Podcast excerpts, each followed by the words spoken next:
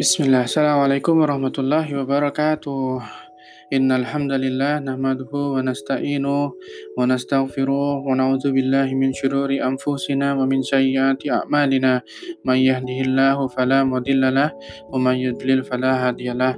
Asyhadu an la ilaha illallah wahdahu la syarikalah wa anna Muhammadan abduhu wa rasuluh la nabiyya ba'dah.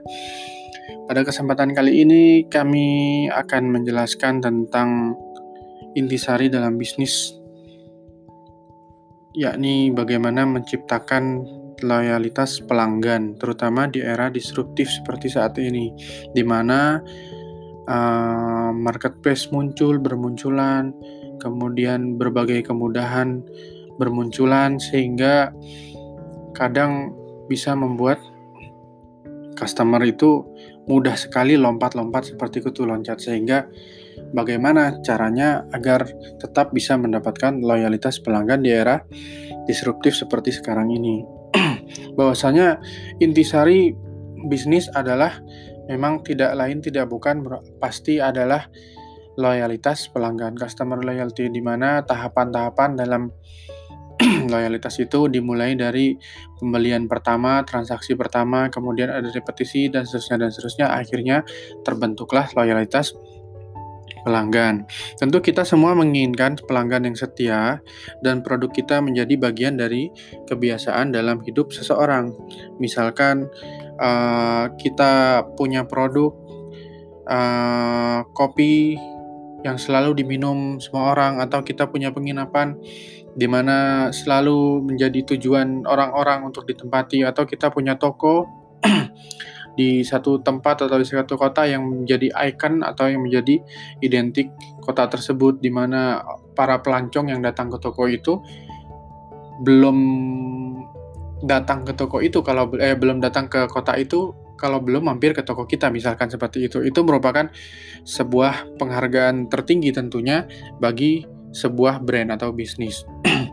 Lalu kemudian bagaimana kita bisa menciptakan kesetiaan di era disruptif seperti ini gitu ya? Maka jawabannya adalah dengan memfokuskan pada empat faktor. Memfokuskan pada empat faktor yakni yang pertama adalah kenyamanan, yang kedua biaya, yang ketiga kemudahan, dan yang keempat adalah konvergensi. Yang pertama mari kita bahas soal kenyamanan. Jadi semua brand sukses yang sebelum-sebelumnya telah kita perhatikan tentunya pasti menggiring pelanggannya dari perasaan membutuhkan atau menginginkan sesuatu ke rasa yang nyaman. Jadi pertamanya butuh, menginginkan, kemudian digiring menuju ke rasa yang nyaman. Mereka-mereka itu pasti fokus untuk menjawab pertanyaan pasar. Terlepas apakah pertanyaan tersebut berkaitan dengan suatu produk atau jasa. Ketika suatu kebutuhan telah terpenuhi, pelanggan pun akan berlalu dan berpikir dengan percaya diri bahwa di masa depan perusahaan tersebut akan muncul kembali di kesempatan yang sama. Dengan cara ini, sebuah kepercayaan telah lahir. Maka kita harus berpikir berpikir secara dalam bagaimana kenyamanan itu bisa diciptakan. Masing-masing produk tentu uh, perlakuannya berbeda-beda. Kemudian yang kedua adalah tentang biaya.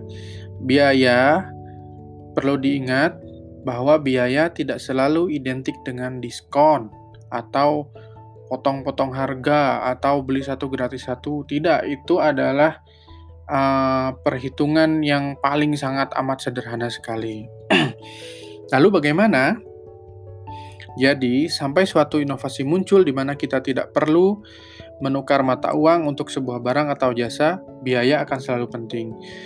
Bahwasannya setiap pelanggan pasti uh, ingin mengeluarkan biaya yang serendah-serendah serendah-rendahnya dan mendapatkan value produk yang setinggi-tingginya. Intinya pada ini. Hal ini bukan berarti kita harus menurunkan harga serendah mungkin. Bukan. Jadi bukan potong harga serendah mungkin, diskon-diskon se sebanyak mungkin untuk mendapat kesetiaan pelanggan. Mungkin bisa jadi terjadi uh, bisa jadi itu uh, berimplikasi pada pada bisnis kita bisa jadi ngefek namun biasanya tidak sustain. Sustainable-nya hanya sebentar saja. Karena apa? Faktanya banyak dari sebagian besar brand yang mampu membentuk kebiasaan merupakan brand-brand mahal, bukan brand-brand diskon, ya kan? Ada Adidas, Nike, atau brand-brand tas, brand-brand dunia, Chanel, uh, dan banyak lagi yang lainnya. Jadi fokus pada biaya berarti benar-benar memfokuskan pada nilai yang didapat, value of product, yang dapat dirasakan dan memberikan orang-orang apa yang telah mereka bayar.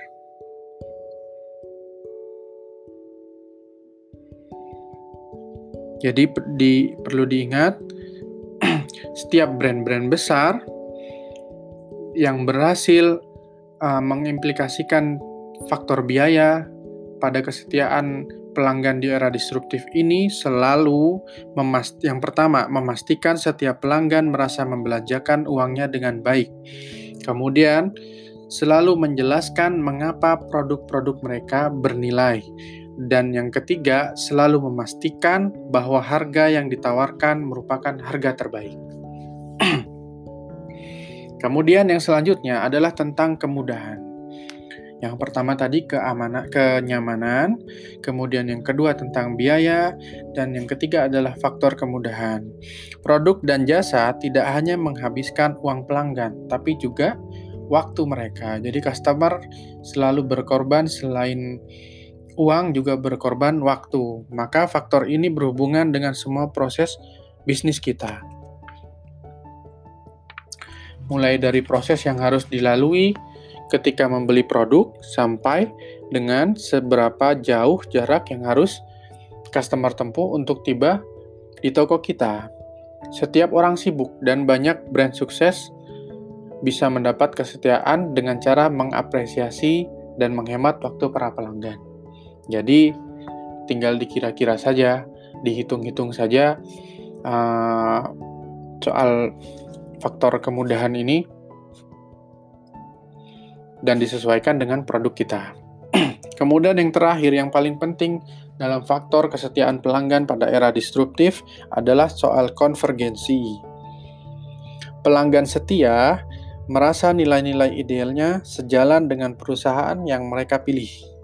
Ya. Kemudian kegiatan bisnis yang paling berhasil memahami pelanggan kegiatan bisnis yang paling berhasil memahami pelanggan dan apa yang mereka percayai, menjadikan produk dan jasa yang mereka tawarkan sebagai bagian dari identitas pelanggan, bagian dari identitas pelanggan. Jadi tidak ada satupun perusahaan yang paling ideal sebenarnya. Itulah mengapa ketika seseorang memutuskan untuk meninggalkan suatu brand untuk menyelaraskan dirinya dengan sesuatu, orang lain berbondong-bondong memilih brand atau perusahaan tersebut. Maka itu adalah inti dari konvergensi. Maka di era disruptif ini, mari kita coba hitung-hitung kemudian bikin strategi soal empat faktor yang yang menyangkut soal empat faktor tadi, yaitu soal kenyamanan, biaya, kemudahan, dan konvergensi. Maka insya Allah dengan ilmu yang sekelumit ini uh, bisa kita praktikkan dan uh, bertahan bahkan bisa menjadi brand dengan uh, customer loyalty pelanggan nilai customer loyalty tinggi. Demikian soal sharing pada kesempatan kali ini. Assalamualaikum warahmatullahi wabarakatuh.